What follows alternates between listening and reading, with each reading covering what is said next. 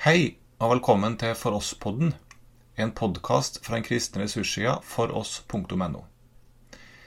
Denne episoden er opptak fra bibelkurs på Fjellheim kurs- og misjonssenter fra mars 2020. Jeg tror, vi går rett på sak eh, og fortsetter eh, hvor vi slapp. Eh, jeg fikk lige en enkelt kommentar her i pausen omkring min holdning til, til, til eksempel bibelhistoriske tegnefilm. Øh, Og det har jeg øh, ingen øh, altså, principielle indvendinger imod. I må ikke forstå min tanke om den levende fortælling, sådan, at jeg mener, at film kan ikke bruges, eller tegneserie kan ikke bruges.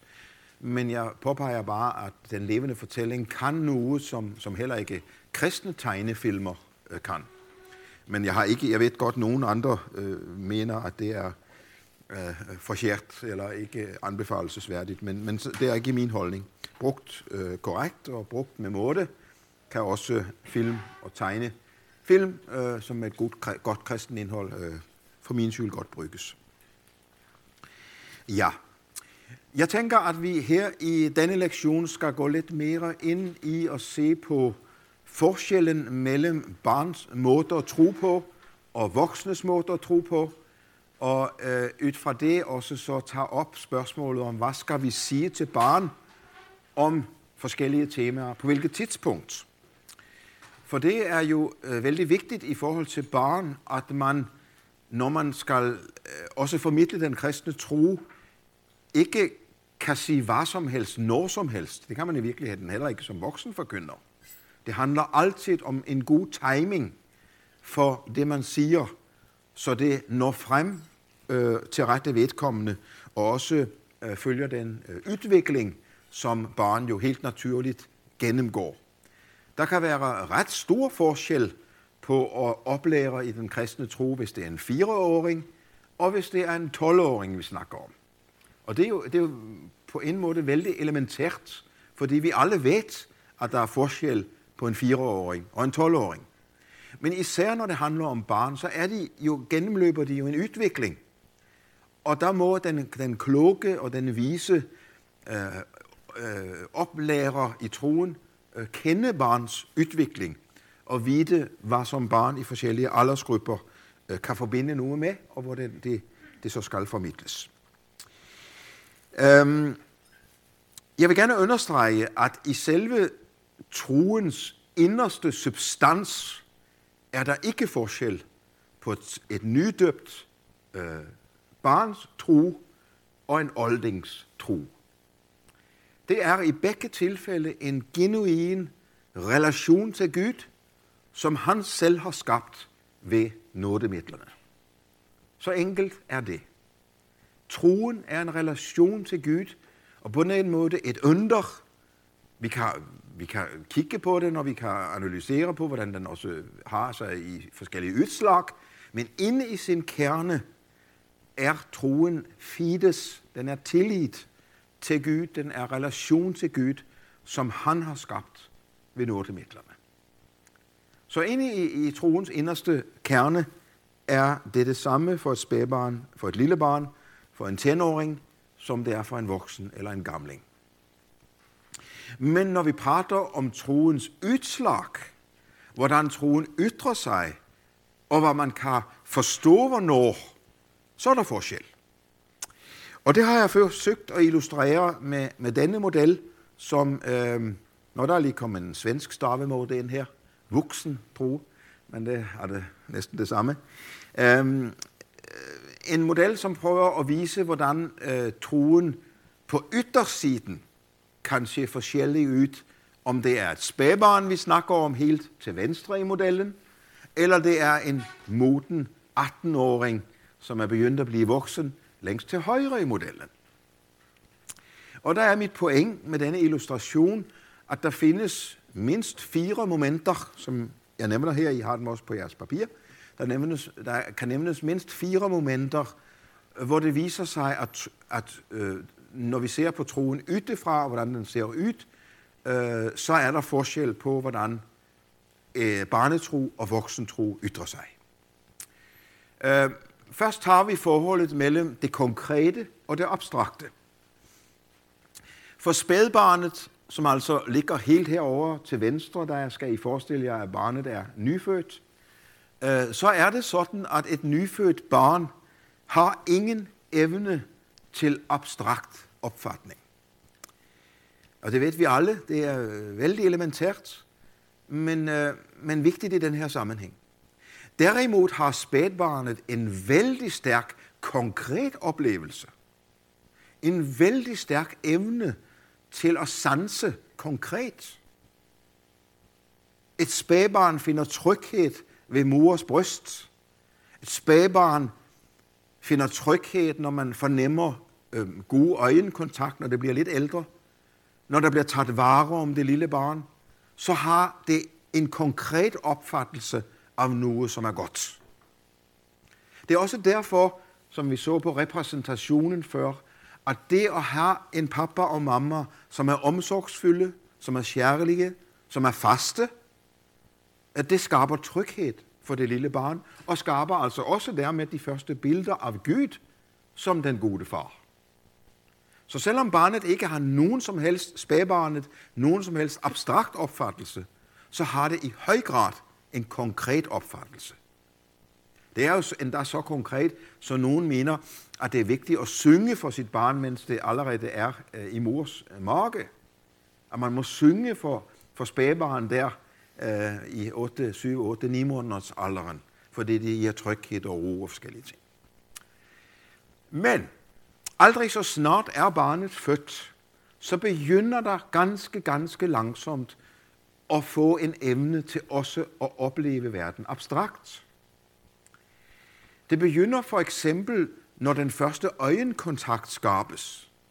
Når spædbarnet ligger og skal pusles, og man får den gode øjenkontakt, får det første smil, får den første fornemmelse af noget, som, som er i øjnene, og som ikke er sådan specielt. Jo, øjnene er der, men ellers er det ikke så på den måde så konkret. Og endda mere kommer det jo så på, når sproget kommer. Sproget er om noget det, som hjælper os til at forstå ting abstrakt. Det er det, jeg betjener mig i disse minutterne. Hvis ikke I kunne sprog, så, så gør det ingen mening at stå og være her sammen. Men det er en abstrakt måde at opfatte på. Ja, jeg har nogle illustrationer, fordi vi bliver ved med at opfatte konkret. Så I har også brug for en konkret illustration, så I ligesom forstår mere af det abstrakte, jeg står her og vælter ud. Det er jo ikke sådan, at når man så bliver gammel, så forstår man ikke konkret længere, men kun abstrakt. Heldigvis. Det er også derfor, når vi skal prædike for voksne, så må der være noget konkret at knytte til ved. Så må der være nogle gode billeder, nogle gode eksempler, nogle gode relevans for det liv, vi lever. Ellers forbliver det oppe i en abstrakt boble uden kontakt med det konkrete liv i hverdagen. Og som barnet så bliver ældre og ældre, så bliver denne abstrakte måde at opfatte verden på mere øh, vigtig og mere betydningsfuld, indtil man ideelt set i hvert fald kommer frem til som 16, 17, 18, 20-åring og komme i en eller anden form for, jeg vil ikke kalde det balance, jeg vil næsten kalde det øh, dikometri imellem den abstrakte og den konkrete opfattelse. Så man som voksen kan blande disse forhold, har brug for begge ting, og faktisk ikke engang reflektere over, hvornår man forstår ting konkret og abstrakt. Det har altså også betydning for troen. Ikke fordi troen bliver anderledes, men det betyder til eksempel, at når jeg skal forkynde for barn, så må jeg for små barn, så må jeg knytte vældig mye an til noget konkret. Jeg kan ikke stå og holde en bibeltime for fireåringer om arvesyndens betydning i luthersk øh, teologi gennem tiden. Det kunne måske være interessant for visse af jer, men en fireåring giver det ingen mening for. Det er alt for abstrakt og har intet med noget konkret at gøre. Det er derfor for eksempel Bibels fortællingen eller gode øh, film, som også er konkrete, kan have betydning for, for, for, for barn fordi de kan knytte til noget konkret, som fortælles. Og det er derfor, som vi lige var inde på før, at for eksempel en dramatisering af en bibeltekst, som så bliver mye konkret, kan være en hjælp for 8- eller 9-åringer til at leve sig ind i, ja, lad os tage nogle af lignelserne eller øh, tekster fra Bibelen. Øhm, noget tilsvarende gælder en anden parameter. Nu har jeg kun øh, nævnt den her med de to begreber på, men I kan se, at jeg har nævnt på jeres papir, at den næste er forholdet mellem følelser og tanker. For på samme måde som det er med konkret og abstrakt opfattelse, så er det sådan, at barnet har følelser helt fra starten af. Men så vidt vi ved, har barn ingen tanker som spædbarn, som nyfødte. Fordi tanker har veldig mye med sprogets udvikling at gjøre. Det, som begynder med øjenkontakten, og som senere bliver til pløtrelyde og til ord osv. videre. Øh, fordi eh, tankemæssige, de tankemæssige ting har med vores sprogudvikling at gøre. Kommer også det langsomt til. Og det betyder altså for tilsvarende måde, at når vi skal formidle til børn, når vi skal oplære spæbarn, nej ikke spæbarn, men småbarn, 4, 5, 6 åringer, så er det vældig vigtigt at knytte an primært til barnets følelsesliv, og kun i en vis grad til dets tankeliv. Men det er jo så vældig vigtigt, når man så skrider fremad, at efterhånden som de bliver større og bliver 8, 9, 10, 11 og 12-åringer, så skal det tankemæssige komme mye mere til. Og derfor kan jeg godt have en vis bekymring, når ungdommer lever på musikoplevelser og koncertoplevelser, og mange, i hvert fald i Danmark, mange ungdommer har alt for lidt trosmæssigt knyttet til tanken. For troen er også noget tankemæssigt. De kan ikke gøre rede for forskellen på dåbsyn. De kan ikke gøre rede for, hvad det vil sige at være lytters kristen i modsætning til andre ting. Ikke at man skal kunne hele dogmatikken som 15-åring. Men det er lige så vigtigt, som det er ikke at overbelaste det lille barn med tanker. Lige så vigtigt mener jeg faktisk, det er over for tenåringer og ungdommer og voksne at sørge for, at også det tankemæssige bliver fyldt på. Men altså selvfølgelig også det følelsesmæssige. Og hvis vi tager den tredje dimension med, som vi pratede om før pausen, det viljesmæssige. God formidling øh, sørger for det rette blandingsforhold mellem tanke og vilje og følelse, med det i tanke, at jo yngre barnet er, desto vigtigere er det, at der er en følelsesmæssig øh, tilknytning. Og her har igen bibelfortællingen en helt unik øh, position, fordi bibelfortællingen aktiverer følelsesmæssige forhold. Når vi hører om David og hans fald med Bathsheba, når vi hører om tingene, så bliver vores følelser involveret. Og det er godt, og det er det, som gør, at små barn kan lære så mye af god bibelfortælling. Fordi det appellerer vældig mye til, til, til det følelsesmæssige, men også her kommer jo det tankemæssige med. For samtidig med, at det knytter til ved en følelseserfaring, så lærer barnet også tankemæssigt nogle ting af bibelfortællingen. Og så må vi altså også allerede fra 5-6 års alderen have katekismus ind og have ja, udenadslærer på nogle felter og andre ting, som så pø om pø, langsomt, det kan se, det går sådan over tid, øh, også introducerer det tankesmæssige og det, det viljesmæssige. Og den tredje parameter, jeg nævner, er forholdet mellem fantasi og virkelighed, som kører efter min vurdering på samme måde. Samme måde. Det lille barn har, i hvert fald eftersom det begynder også at få sprog, en vældig fantasi, øh, men har ikke altid fornemmelsen af forskellen mellem fantasi og virkelighed. Jeg kan tage et eksempel fra min egen yngste datter, Ida hedder hun. Um, hun var vel um, tre år, tror jeg. Uh, jeg hentede hende øh, i en, en, øh, et andet sted og kørte med hende hjem. Vi har sådan en, uh, I Danmark kan man have sådan en herrecykel med sådan et sæde her foran, hvor, hvor barnet sitter her. Der, så der satte hun, og så kom vi til at prate om, at vi skulle have ny bil. Ny bil, siger Ida. Jamen, der ringer jeg bare til Birte. Hun har en fantasiveninde. Hun boede oppe i Grønland og har en sælstall oppe i Grønland.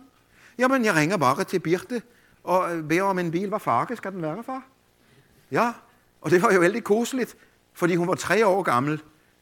Men hun havde ikke en fornemmelse af forholdet mellem fantasi og virkelighed. Havde hun været 10 eller 13 år og sagt dette, så havde jeg kontaktet en psykiater, øh, fordi jeg tænkte, det er noget galt. Så en af de ting, som sker med barn, er, at de går fra ikke at kunne skælne fantasi fra virkelighed, til forhåbentligvis at kunne skælne fantasi fra virkelighed. Og det betyder for formidlingen, at det er ganske okay at knytte til ved fantasien. Og nu kommer den igen. Bibelshistorien er unik, for den knytter til netop ved barnets fantasi. Dets forestillingsevne, som er veludviklet vældig tidligt. Men der bliver det så også vigtigt, efterhånden som barnet bliver ældre, og vi kommer op i tenåringene videre, at vi får forståelse af, at det her er jo ikke bare et eventyr om David og Batseba, men det er virkelighed. Det hente virkelig. Det er ikke bare et eventyr. Gud er blevet menneske i historien osv. Mange ting, hvor det er vældig vigtigt at gå fra opfattelsen af fantasi til forståelse af virkelighed. Og den fjerde og sidste parameter handler om forholdet mellem nytid og fortid fremtid. Det er nemlig sådan, at det lille barn har en vældig stærk nytidsoplevelse. Men det lille barn, langt til, til venstre her på modellen, har endnu ikke nogen særlig stærk opfattelse af det proportionale forhold mellem fortid og fremtid.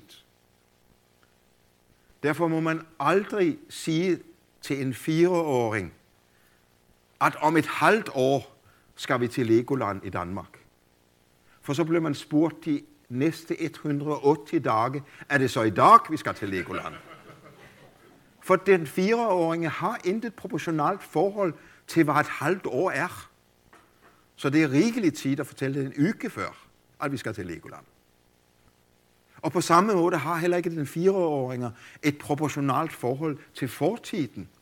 Altså der er bedstefar, som er død cirka på alder med Moses eller Jesus, og det, mm, det ved man ikke mye om. Man har ikke et proportionalt tidsforhold. Og det er en af grundene, når jeg nu kommer også til at skulle sige lidt om, om evigheden og fortabelsespørgsmålet, at man øh, efter min mening ikke over for småbarn skal highlighte, skal, skal overbelyse, man skal nævne det, kommer jeg til, men man skal ikke overbelyse evighedsdimensionen for ganske små barn. Den skal være der, men den skal ikke være overbelyst. For det lille barn har endnu ikke helt sans for fortid og fremtidsperspektivet, men der skal forsyndelsen og formidlingen og oplæringen gå vældig mye på nytidsaspektet. På hvad vi gør, som er ret og galt her og nu, at det, at Jesus elsker os og har tilgivet os vores synder, er her og nu. Det skal knyttes til, til nytiden i, i høj grad. Og så skal det altså pø om pø igen, som modellen her viser, langsomt introduceres, også op igennem barneårene og teenårene, øh, med fortids- og fremtidsperspektivet.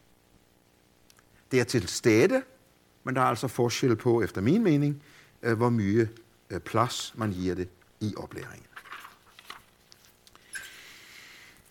Og der kommer vi til det forhold, at det jo er øh, både glædelige og lyse ting, som hører livet til, og som vores barn skal lære. Og oplære barn i den kristne tro er ikke først og fremmest at løfte pegefingeren og fortælle om alt det, som er galt og fejl, og øh, alle de ting, man kan gøre forkert. Oplæring i den kristne tro er, mener jeg, primært, eller i hvert fald grundlæggende, at invitere barn ind i Guds stærke, store, glædelige øh, verden, og vise dem rundt efter både første og andre, tredje, øh, første, andre og tredje trosartikel om, hvem Gud er. Den gode Fader, Søn og Helligånd. Vise dem rundt i en vidunderlig hage. Og så må vi naturligvis, fordi vi også ved, at der i den hage er slanger, er vanskeligheder, er mørke, så må også det komme med. Fra starten af, ja vel, men altså på lidt forskellig måde. Men, men det glædelige, det lyse, det positive, alt det, som Gud giver og Gud er, Guds forunderlige væsen, for eksempel som skaber, er vældig vigtigt i vores tid. Det har det vel altid været, men er det også i vores tid. Fortæl barnene om, om Gud som skaberen, som, som skabte den store verden. Snøen og fjellene. De sorte hullerne i universet. 5, 6, 7-åringer kan have stor glæde af en pappa eller mamma, som ved lidt om universet. Og inviterer ind. Nu står vi og kigger op mod himmelvælvet her. Og der kan være en stjerne, som står der og lyser. Men den er allerede slugt. Men lyset der startede på vej ned til os. For himmelrummet er uendeligt. Som Gud er uendelig. Og derude er der sorte huller, som har så stor en kraft, så det suger al lys og energi til sig. Der findes sorte huller i universet, som er så komprimerte, som har så stor en massefylde, så det svarer til, om du tog hele jordklugten og pressede det sammen til en valnøt.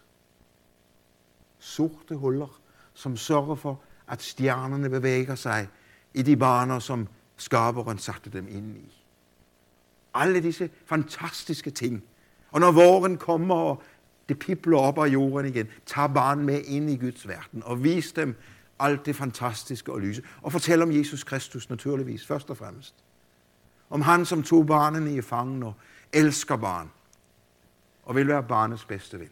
Fortæl, fortæl, fortæl om alt det gode og lyse og stærke. Det tænker jeg på, vi har brug for at minde hverandre om. Ja vel, nogen i det kirkelige landskab er gået i den anden grøft, så de har ikke andet at fortælle. Men det skal ikke få os til at gå i modsatte grøfter og ikke fortælle det lyse og positive, og kun fortælle det alvorlige. Her må vi finde en god balance. Men det er klart, at den andre side af virkeligheden må ikke forsømmes. Heller ikke over for små barn. Alvoren og det mørke hører også livet til. Og hører også det kristne livet til.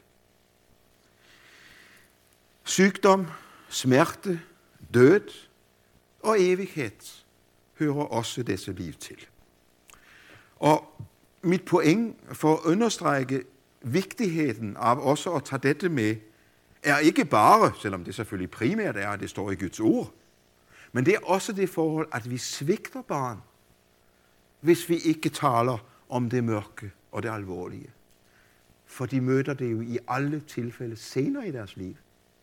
Så om vi aldrig har magtet at sætte ord på dette, det vanskelige, det smertefulde, så føler de sig jo besvikende af kristne oplærere, som ikke ville tale om det, som var mørkt og vanskeligt og smertefuldt og alvorligt. Så det er for barnenes egen skyld, at det er vigtigt, at denne dimension også er med. Lad mig tage lidt forskellige dimensioner af dette.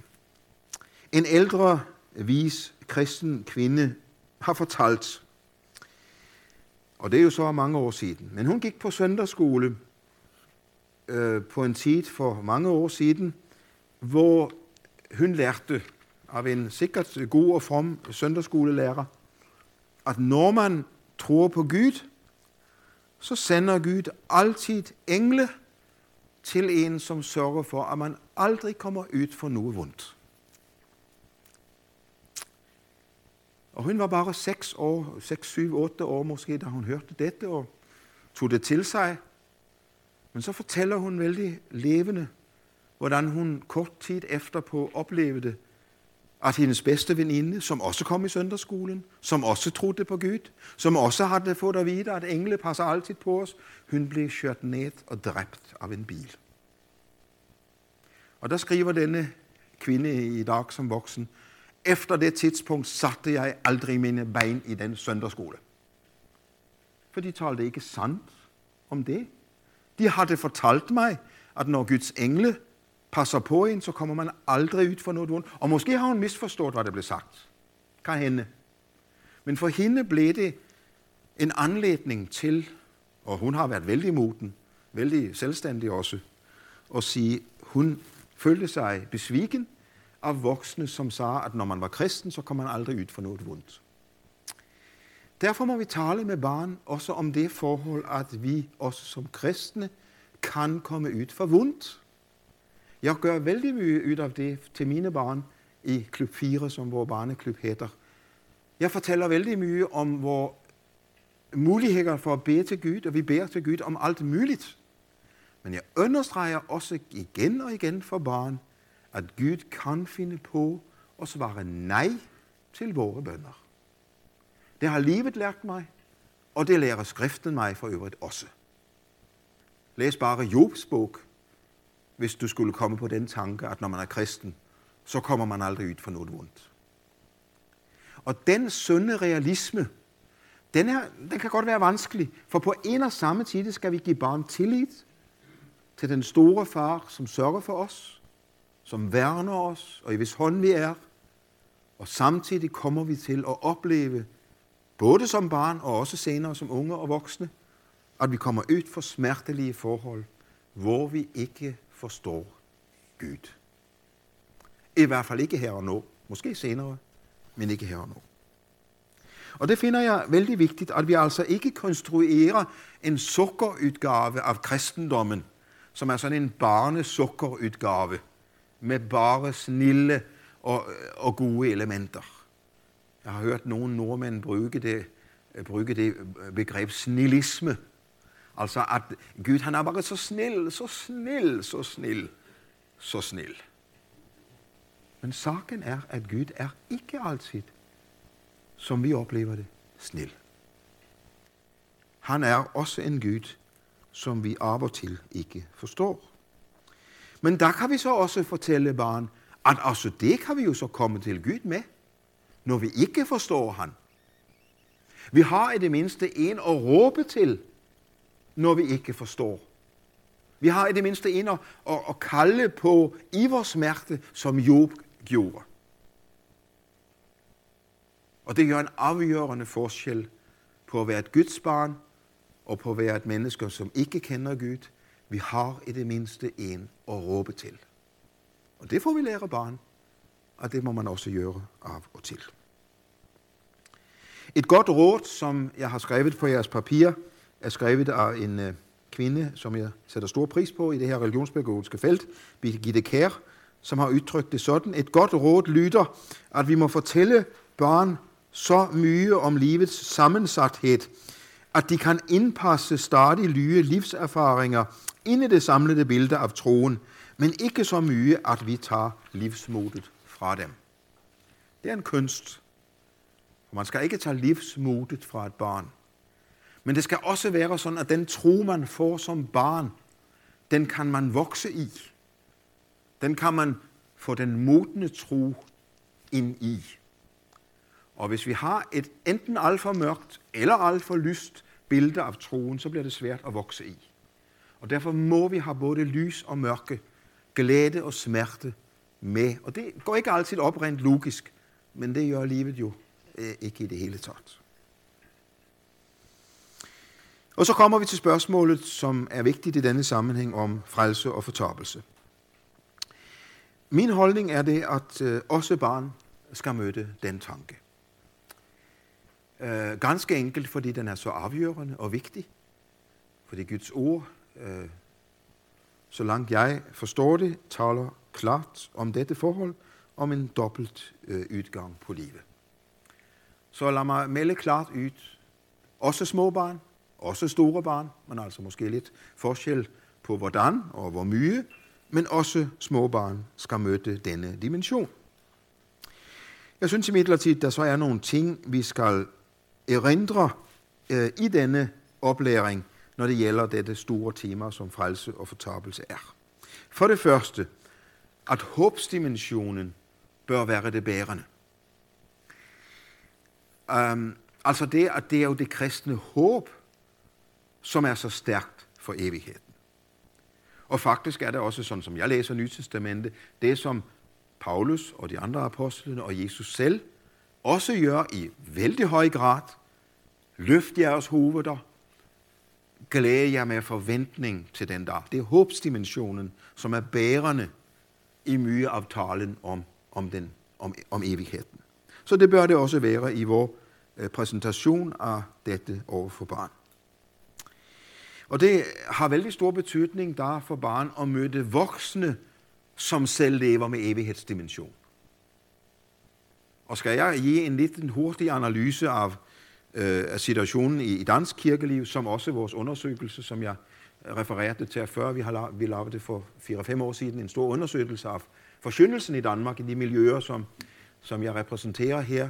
Og en af de mindre positive ting, som det viste, var, at netop evighedsdimensionen var øh, i høj grad dalende som dimension i den kristne forkyndelse. Det mener jeg er vældig, vældig alvorligt. For hvis ikke voksne lever ved evighedsdimension, så kommer barnene heller ikke til det. Så voksne, som lever sandt og ægte og godt med evighedsdimension, og det har jo betydning for, for tid og for penge og for mange andre ting i det her liv. Det har betydning for alle vores prioriteter. Hvis det virkelig er sandt, at vores liv her på jorden er bare 80 år eller 100, hvis det går højt, men så kommer der en evighed bak efter, så betyder det jo noget for, for prioriteringen af vores tid og vores kræfter og andre ting her i det her korte liv, vi lever. Så også her har barn bryg for at leve sammen med voksne, som selv lever med evighedsdimension. Og lever også med håbsdimensionen i den forbindelse. Og så kommer der en vanskelig afgørelse af, hvor mye man skal sige, og hvordan man skal sige det til, øh, til barn i forskellige alder. Barn er forskellige. Nogle barn kan blive vældig skræmte ved denne dimension. Man må forsøge at tage højde for det, og også prate på tomandshånd med nogle barn, som måske er vældig skræmte over det, og, og prate op sådan lidt mere sjælesørgisk med barn på, på det felt. Man skal i hvert fald være klar over, at det at røre ved evighedsdimensionen for små barn kan være vældig øh, emotionelt, øh, hvad skal man sige, voldsomt. Især øh, hvis det er barn, hvis forældre ikke tror. Det forhold er vi jo ofte yde på på kristne skoler i Danmark. Vi har jo øh, 34 kristne friskoler, hvor over halvparten af barnen ikke kommer fra kirkelige hjem. Og også for dem skal vi jo øh, fortælle om evighedsdimensionen, om de to ytgange på livet. Vi skal bare være klar over, at for barn i første og andre klasse, som hører om fortabelsens virkelighed, der aktiverer det den grundlæggende separationsangst hos den slags barn. For de ved godt, at pappa og mamma, de tror ikke på Gud, så de skal ned, og jeg tror på Gud, så jeg skal op. Og så har man aktiveret et vældig grundlæggende forhold hos, hos små barn, nemlig separationsangsten. Det værste for et barn i første klasse er at tænke på, at jeg bliver artskilt fra pappa og mamma.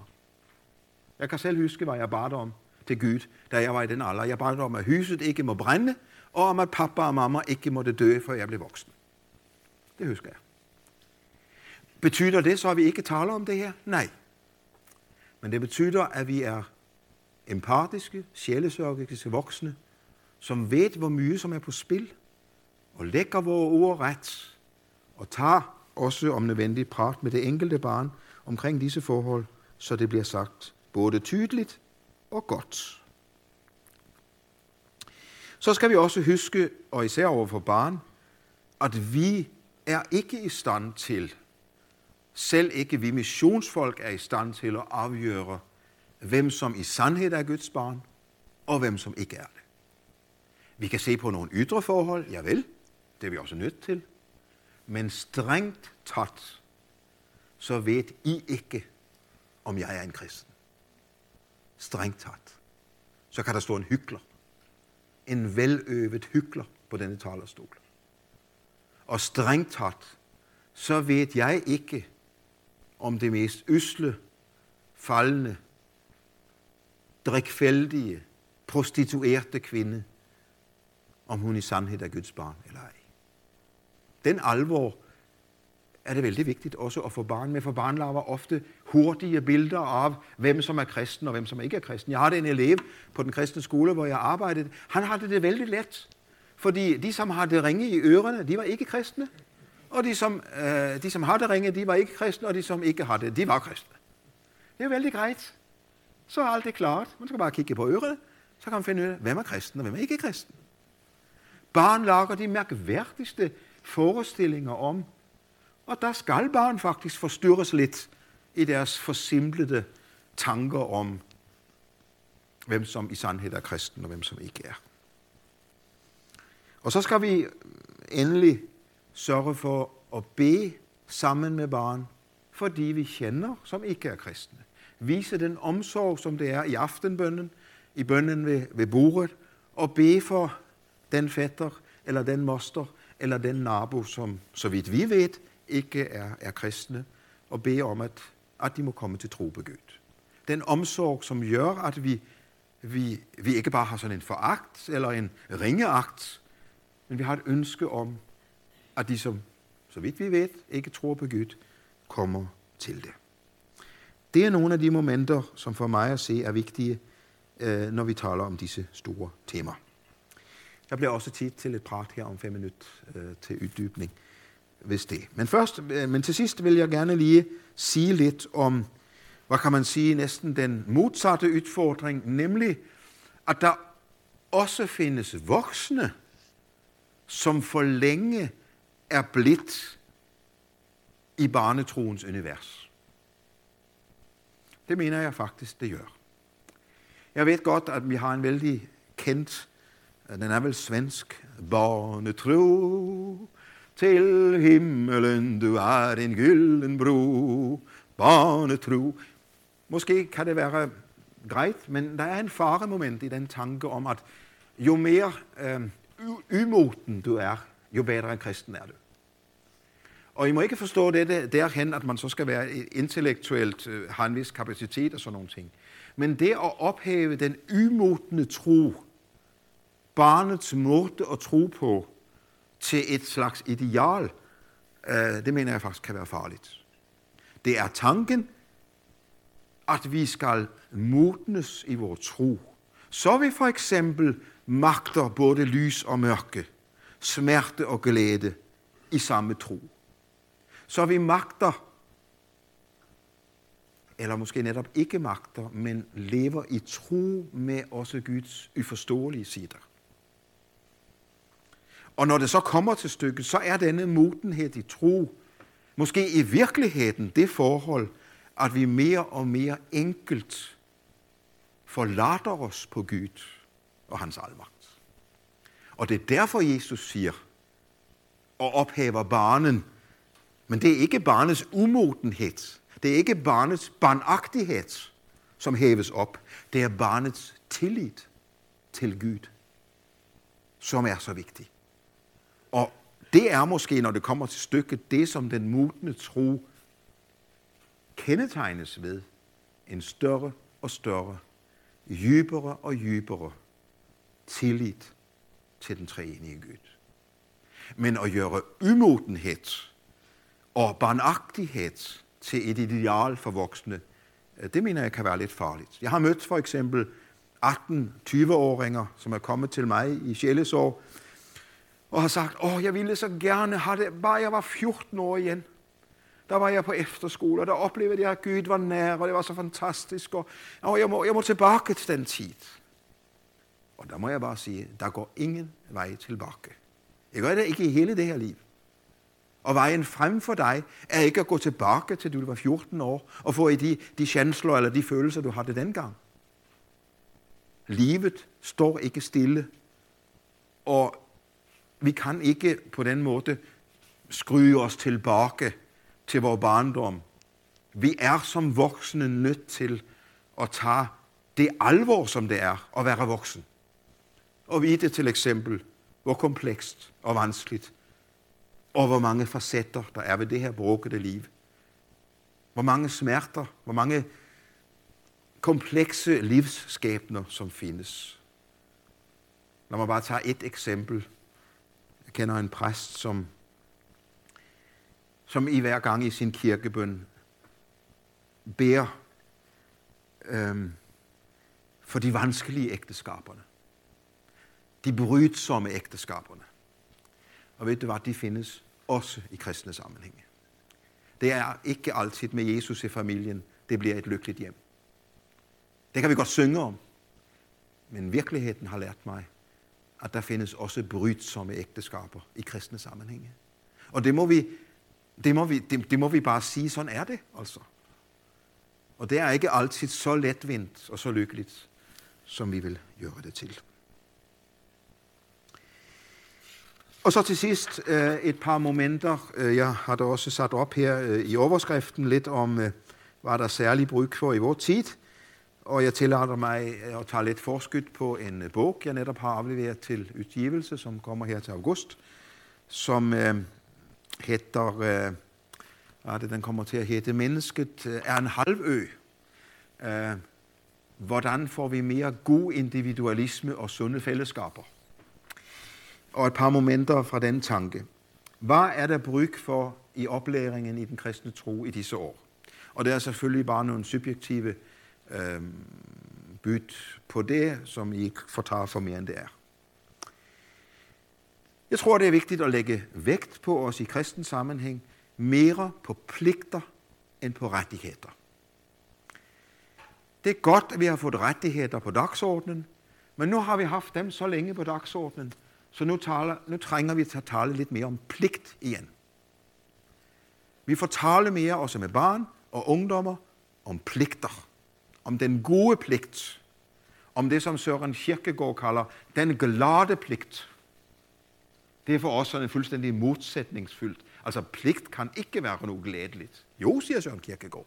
Om du vælger det, så er det den glade pligt.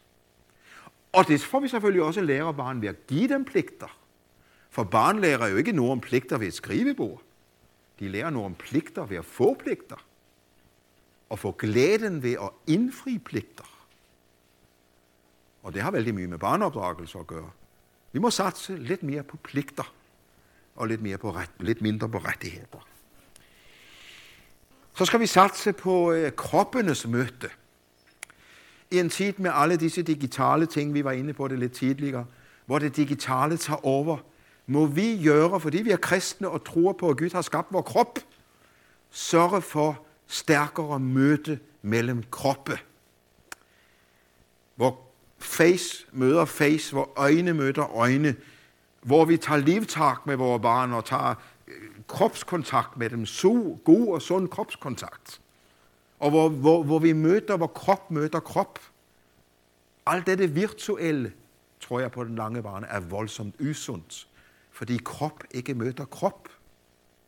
Vi har jo den mærkværdige situation, at aldrig har der været snakket så mye om sex som for denne tid, men flere og flere har ikke sex. Og så kommer der jo ingen barn. Man må møde, krop må møde krop, om der skal komme barn til verden. Ja, så enkelt er det. Og vi tror på, på kroppens opstandelse jo. Så kroppen er er en del af Guds skabning. Vi må satse på kroppenes møde med barn. Så må vi kæmpe for fællesskaber, også når vi er uenige. Vi var lidt inde på det med åndsfriheden i formiddags. Fællesskaber, også med dem, som vi er uenige med. Og ikke bare tage fællesskaber med de, som vi kan klappe på skulderen. Det er sundt og godt at have fællesskab med nabo, med arbejdskollegaer, med andre, med familie osv., som vi ikke er enige med. Det er lidt mere anstrengende, ja vel, men nogle gange er det anstrengende jo netop godt for vores udvikling. Og for barnets udvikling. Lad mig nævne en ting mere. Det er vigtigere at være interesseret, end at være interessant. Det er vigtigere at være interesseret, end at være interessant. En af de ting, som de sociale medierne har, har overloadet, eller har, har overbetonet, det er jo, at man skal være interessant med, med sin nye kakebakning, eller sin nye hundevalp, eller sin nye skiferie, eller sit skiudstyr, eller hvad det er. Alt. Vi skal være interessante. Men det er mye, mye vigtigere at være interesseret. Nemlig interesseret i andre mennesker, end at være interessant. For det handler om at være nysgerrig, være interesseret, være ops på det andre menneske, spørge dem, i stedet for at fremhæve sig selv hele tiden. Gå mere op i, hvad du skal gøre, end i, hvem du er. Vi har et voldsomt fokus på identitet i disse år. På, hvem jeg er. Og det er vi alle nødt til også at arbejde med.